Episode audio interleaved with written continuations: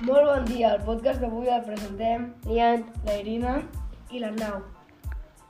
Avui tenim una temperatura de 13 graus i tenim una boira molt elevada. avui és aniversari de la Iraire de 5è A. De l'Ada de tercer A. I del Guim de P3. Bé, Moltes Ah, felicitats! Uh, avui és el Dia Mundial dels Bombers. Són uns herois que, bueno, pues, s'arrisquen per, més o menys, per salvar-nos les vides a nosaltres. I és una feina vocacional. què vol dir vocacional, Arnau? Pues que ho fan perquè, o sigui, perquè ells els hi surt de dintre que volen fer això.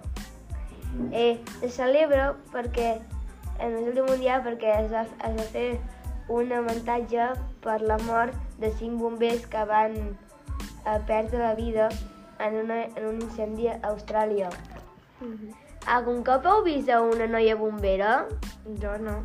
Jo tampoc. Jo tampoc. Bueno, jo li, sé, i sé que n'hi ha, perquè això, o sigui, les he vist però no actuen, no saben això.